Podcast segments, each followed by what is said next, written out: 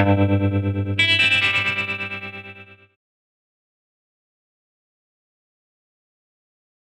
afternoon, everyone.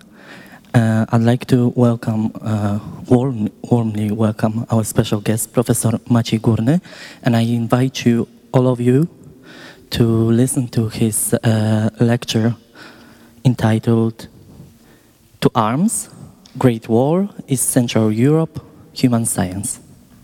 First of all, I'd like to express my gratitude. It's great to be here, and well, it's uh, it's been my alma mater, and I always feel like uh,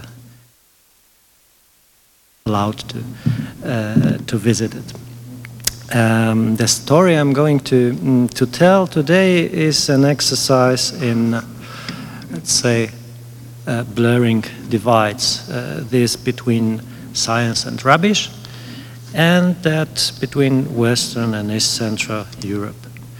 Um, I've been operating, so to say, within this space for the last 20 years or so, on the beginning of which there is uh, Jerzy slightly reluctantly accepting me as a member of his uh, unit at the Academy of Sciences. So you see that it's a particular honor for me to speak at a conference set to commemorate the memory of this particular and extraordinary man and scholar.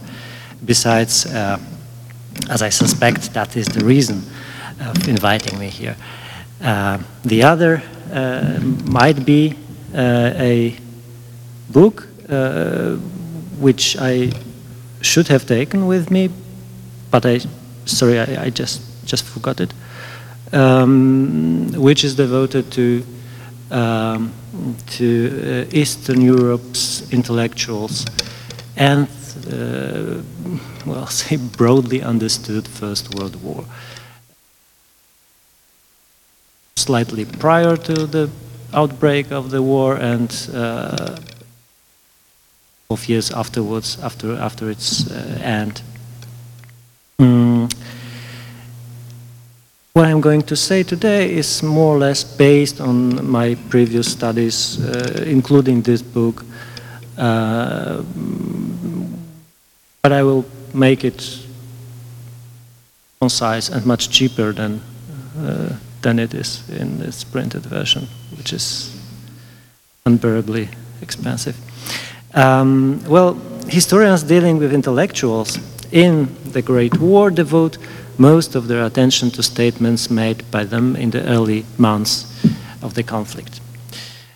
That is, in a way, understandable given the stature of figures such as Emile Durkheim, uh, Henri Bergson, Gerhart Hauptmann, or Thomas Mann, all of them uh, speaking aloud about the meaning of war, about the character of the enemy, and about inner reasons for our own nation to, to participate. Mm, the War of the Spirits, Krieg der Geister, uh, as it had been called back in 1914, uh, 1918, and later, uh, began, however, uh, to dissipate in the West uh, after more or less two years of fighting, that is roughly 1916. The Eastern, War, the Eastern Front of, of the Great War tells yet another story, much more interesting uh, and versatile, so to say. In my presentation, I will briefly tell the story of East Central and Southeastern Europe, uh, regularities and particularities of this phenomenon. As you will see, uh, the bulk of such writings of intellectuals from the region subscribe to a particular tradition of uh, national characterology, which is a vague term, naturally. Um, I would characterize it perhaps as something wider than ethnopsychology. In most general terms, characterology refers to general psychological traits of a certain ethnic or social group, a generalization, as I believe, uh, not totally alien to historians of anti-Semitism. Mm, Speaking of, uh, speaking of the other element of my speech, that is science, I will then shortly refer to the interferences between this characterology and such disciplines as geography, uh, anthropology, and uh, psychiatry, psychology. Uh, well, the beginnings, roughly 1914, were not particularly uh, regionally specific. Just as in the West, most authors employed in magazines uh, involved in the so-called War of Spirits were intellectuals and men of culture. Interestingly, the early publications uh, more often than not ignored uh, their special regional uh, history, special regional realities, focusing, for example, on uh, German atrocities in Belgium instead of similar acts of brutality in, in the Kingdom of Poland, notably in uh, Kalisz. Uh, soon, unstable political situation uh, placed uh, some of those authors in both warring camps. Such was the case with Wincenty Rzymowski, an important person for Polish history afterwards. In early 1915, Rzymowski pub published a pamphlet entitled Podboje Rosji, that is Russia's conquests, uh, which described the internal consolidation of the empire in the face of the war. When Germans occupied the Kingdom of Poland in 1915, Rzymowski was uh, shortly interned in a prisoner of war camp. A year later, following his release, he gave a public lecture in which he shared his camp experience. Uh, and if you read this text, it goes precisely along the same lines as German wartime intellectual propaganda. He, what he does is uh, Krieg der Geister, uh, well, even more than 100%. Uh, what uh, has to say is uh, that Germany and its allies in Central Europe are faced by a, uh, I quote it, now a procession of countless tribes and peoples uh, serving England often uh, against their best wishes and against their interest. The French, on the other hand, again, much alike in the works of German intellectuals like uh, Thomas Mann, uh, were plagued by a desire uh, for revenge. Uh, for its erstwhile eulogist, Russia ended up on the worst side of the deal, and that is an element which seems uh, regionally a regional particularity for me, for my eyes. I quote now from Rzymowski, in a prisoner of war camp, the Russian is a born proletarian, pauper uh, by nature and habit, given to offering himself a servant to any power and for any reward. While the Frenchman consumes the abundant provisions and delicacies, the Muscovite stands behind his seat with that lowly band in his neck, a timeless mark of congenital slavery. End quote. Was not alone in shifting his allegiances. Starting with 1915, the uh, entire region gradually fell under German and Austro-Hungarian occupation, which contributed massively to the extent ideological current of support for Central Powers. Quite naturally, the German and Austro-Hungarian propaganda motives permitted local production. Yet already at this early stage, there was an individual touch to it.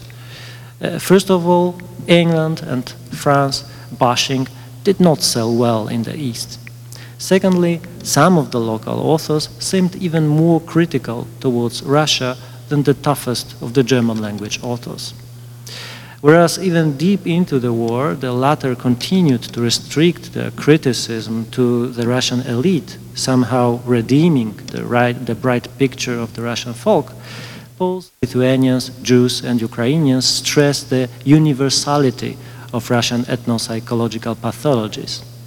To give an example, Stanisław Przybyszewski, Polish poet and writer, expounded broadly on the difference between the Polish and Russian psychological type. I quote now, uh, on the one hand, an astounding liveliness, endeavor, adaptability, and near rapacious possessiveness in the spiritual. On the other, passivity, stone-like languor, Asiatic conservatism.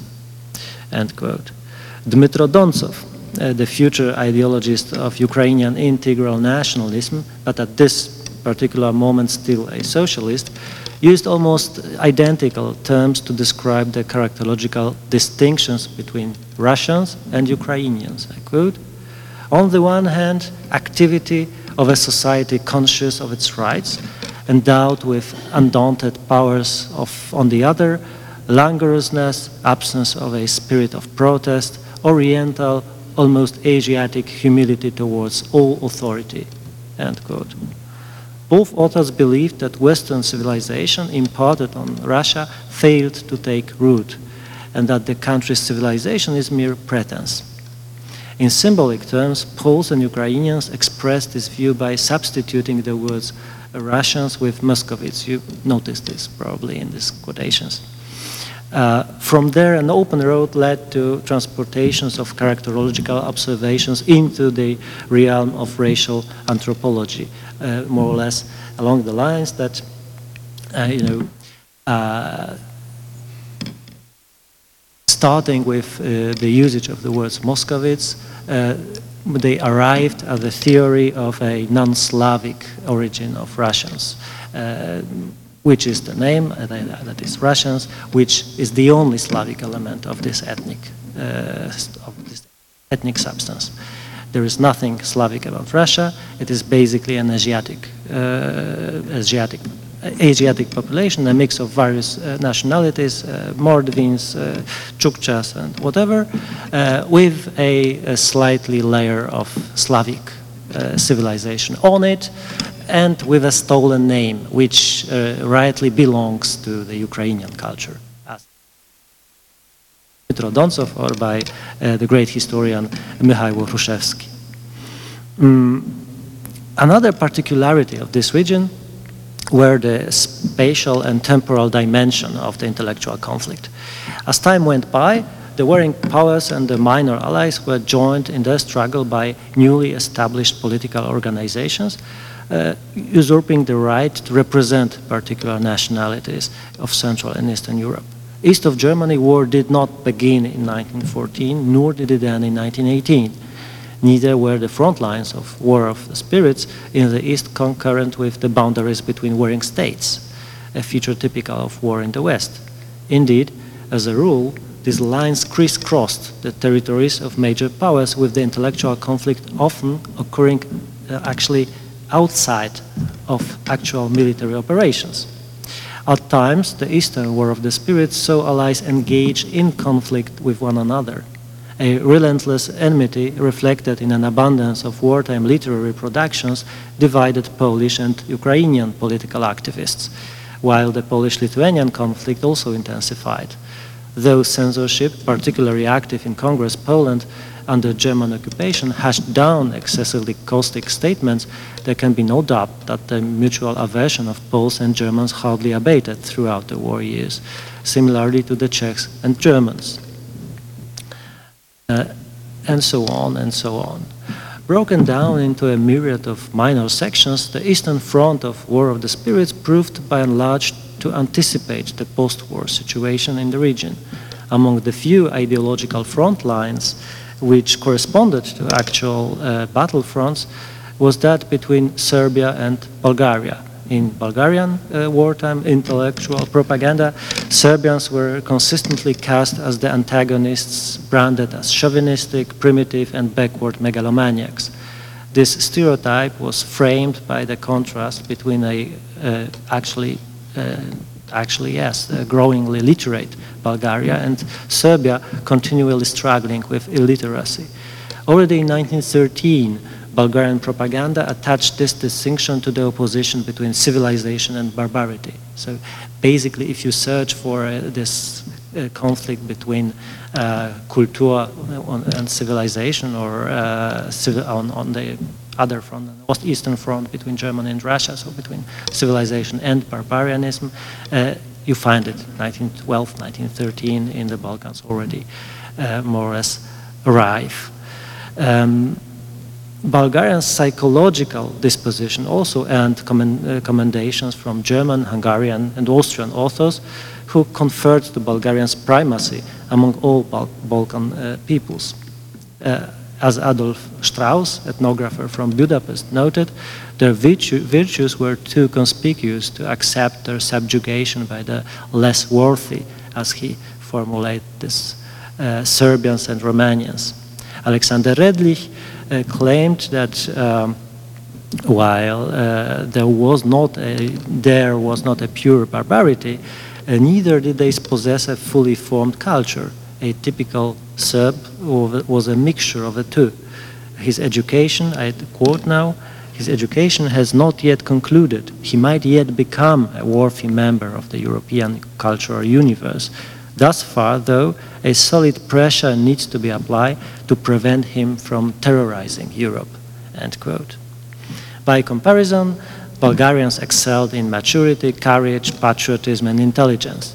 This set of virtues invited comparisons with uh, Bulgarians regularly likened to Prussians.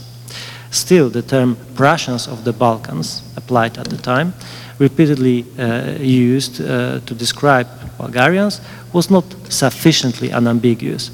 In the eyes of authors within the entente, it figured as an accusation rather than a compliment. I quote now from uh, Robert Seton Watson The ideals which inspire Prussia and Bulgaria today are identical arrogant contempt of other peoples, ruthless efficiency, ruthless Bulgarian efficiency, uh, and the worship of material progress.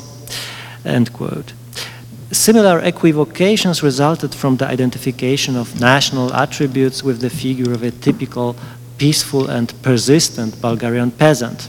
Serbian uh, geographer, the best Serbian geographer ever, Jovan Cvijić, used this motive as a proof that Bulgarians were characterized by an absence of energy, will to fight, and slavish submission to their masters already under the Turkish yoke he ascribed to Bulgarians attributes that resembled those many Polish and Ukrainian authors attributed to Russians. Thus, Bulgarians were branded with Asiatic passivity, as their affinity to the West was represented as less significant than that of the more Western Serbians. The heroism of Serbian soldiers won them the warmest affection of many observers. Following on the heel of international aid and expressions of support, were characterological conclusions, often setting the image of the noble Serbian against that of a Bulgarian. While Bulgarians were referred to as Prussians of the Balkans, some British and French authors believed that Serbians merited the name of the Frenchmen of the Balkans.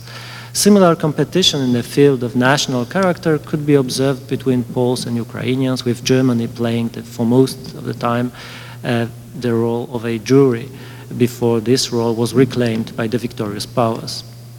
Many of such peregrinations into the, uh, into the uh, realm of the national character uh, bordered on some kind of scientific evidence.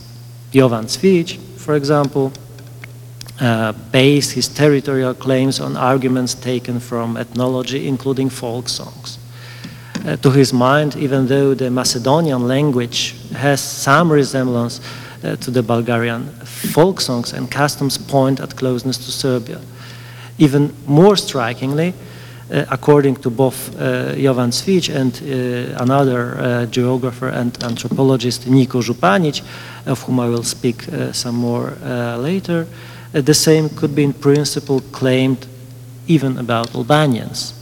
In the field of uh, geography, scholars such as Eugeniusz Romer, uh, Stepan Rudnitsky, uh, Jovan Cvijić, Viktor Dvorský, a Czech geographer, Simion Mehedinți, a, great Romanian geographer, and many others defined a new, a national space inscribed into the minds of the inhabitants, or to make things even more versatile, in the characteristics of the landscape, in arts of trees, or geological features of the country all this could speak nation. Some, as Karel Domin, a Czech biologist, did come to a conclusion that certain types of plants simply correspond to certain nation. In his particular in case, the beech trees, which uh, mark the realm of the Czechs. Many times the war of the spirits seemed to take a different path from the model described so far by reversing the logical or illogical, if you like, order. Instead of utilizing science for characterology, some authors added elements of the latter into full-fledged science. Psychiatry offers extremely interesting examples of such reasoning. The idea of a correlation between national background and susceptibility to particular mental disorders attracted the attention of the Viennese physician Alexander Pilcz. In his post-war publications, Pilcz rejected the claim that any given race was more susceptible than others to psychological diseases in general. But the specifics of his findings varied from one group of his studies to the next and demonstrated predispositions to different kinds of illness. In May 1919, Pilcz presented the results of his work at a meeting uh, of the Viennese Anthropological Society. Having studied almost 12,000 soldiers, he concluded that Germans suffered more than others from depression and alcohol-induced psychosis, with Poles and Czechs equaling, equaling them in the latter. Uh, meanwhile, alcohol-induced psychosis rarely affected Southern Slavs, Italians, um, or Hungarians. Jews did not suffer from them at all. Instead, they suffered from hysteria and various kinds of psychosis resulting from hereditary degeneration. Italians and Southern Slavs topped the charts for epilepsy. Hungarians uh, proved highly prone to ascending paralysis. In general, Pilcz found particular tendencies to hypochondria among Jews, to depression among Germans, and to stupor and catatonia among Slavs. The discussion, that is interesting, the discussion that followed Pilcz's uh, presentation shows the near impossibility of the time, at the time of debating these issues without succumbing to the temptation to create hierarchies of nationality. Aside from the speaker, uh, there were three other active participants in this uh, discussion. The first, Rudolf Pöch, leader of the wartime research into the racial makeup of the Russian prisoners of war, summed up uh, Pilcz's claims much less ambiguously than he himself had, stating that the presentation furnished telltale proof of psychiatric distinctions between the races. Another participant, uh, Robert Stigler, uh, author of Racial Studies of the Ugandans, departed even further, proposing that the particularly high incidence of psychic disorders among Jews resulted from their psychic similarity to women. That must have been surprising to Pilcz.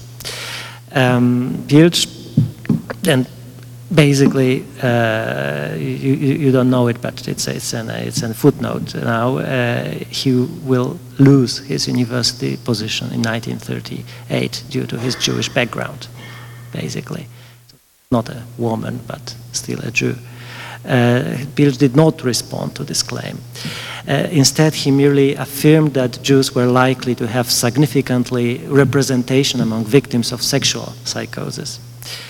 The last person to speak, Arthur Haberlandt, a participant in the Austro-Hungarian ethnographic exploration of the Balkans during the war, suggested that psychiatry, with its idea of mass suggestion, might prove capable of explaining the mass desertions of Czech soldiers. Despite his attempt to be objective, as you see, Pilcz's report collided with the scholarly community's deep-seated beliefs in racial psychology and national character. Uh, for, uh, for example, uh, in anthropological research, heavily indebted to characterology, I will use an example of a colleague of Jovan Cvijić, a Slovene ethnologist and anthropologist Niko Županić. The year 1912 saw the reissue of um, in Vienna of a new edition of his work, which uh, justified Serbian claims to Albania. In the book, he criticized the nationalism, uh, nationalist exclusivism of French and German scientists who failed to reckon with the exceptional biological potential of some Balkan nationalities. Meanwhile, Serbs, as he claimed, retained an untainted primordial Aryan Slavic character, especially in the south of the country, that is, light-colored skin and hair, blue or gray eyes, dolichocephaly, that is, long skull, allegedly typical of the Indo-Germanics, and large stature. Uh, at the Slavic Albanian border, the Nordic component combined with remnants of the Illyrian Romanized primordial population. As a result, now I quote from uh, Županić, the mixing of Serbian and Illyrian blood produced one of the most elevated anthropological alloys in Europe, the so-called Dinaric or Adriatic race. This race is characterized by a tall, slender, almost never stout build, dark-colored eyes and hair, and a rounded skull, perhaps slightly flattened at the back. Uh, hawk-like eyes throw sparks sorry, and testify to a gallant heart. Uh, these people are full of zest and energy with very lively facial features.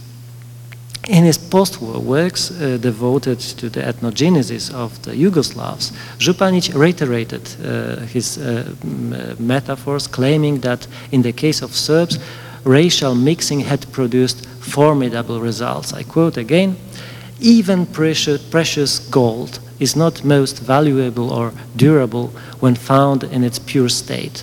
For this reason, it, in mints, it is alloyed with copper and other less valuable metals in order to increase its hardness, vividness, and beautiful sheen.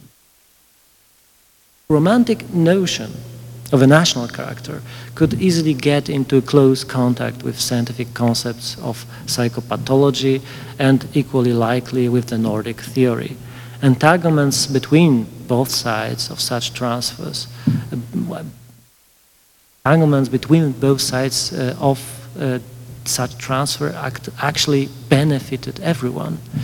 As science delivered allegedly hard proof to vague theories, giving the authors opportunity to reiterate to numbers, skulls, and measures. On the other hand, national character proved to be something people would like to learn about to an extent that even dull rows of biometric data acquired national sense. This was particularly clear in the words of another wartime scientist, a great, again, a great Ukrainian geographer, Stepan Rudnitsky, um, commenting upon an unusually sparse table that is really three rows of numbers uh, containing basic statistical data on the psychic physical features of Poles, Ukraine, Russians. Three rows, more or less 24 numbers, I guess, without totally irrelevant numbers, believe me, really have no meaning. Uh, but for Rudnitsky, who claimed these three rows of numbers acquired through the application of exact and natural sciences tell us more than any thick volume would. These few numbers prove in the plainest possible manner that we Ukrainians are an independent nation. Neither Polonized Muscovites nor Russified Poles, but a nation that is also independent in its racial makeup. A statement that could not be made with respect to either Poles or Muscovites. End quote. Well, to sum up uh, all this, uh, there seem to be, to my eyes, no sufficient causes for treating East Central Europe as an exceptional front of the War of the Spirits, neither in intellectual standing uh, of the authors involved, all of the quoted authors are uh, first rank intellectuals, uh, the guys who uh, invented things, who founded first scientific journals in their disciplines, who were first professors, and whom we celebrate until today. Nor in the discursive strategies they used did it deviate from its counterpart on the Western Front for every Durkheim or Bergson, there is some Przybyszewski or Hrushevsky in the east of Europe. This necessitates uh, a revision in the chronology of the European conflict, a change which is otherwise congruent with the recent tendency in First World War history. What British and French intellectuals perceived as a passing phase became a chronic problem in Germany and countries farther to the east. What seems more important, though, is the strength of another subdivision of the War of the Spirits in the east and southeast of Europe. What I mean is human science, anthropogeography, psychiatry, anthropology, ethnology, etc.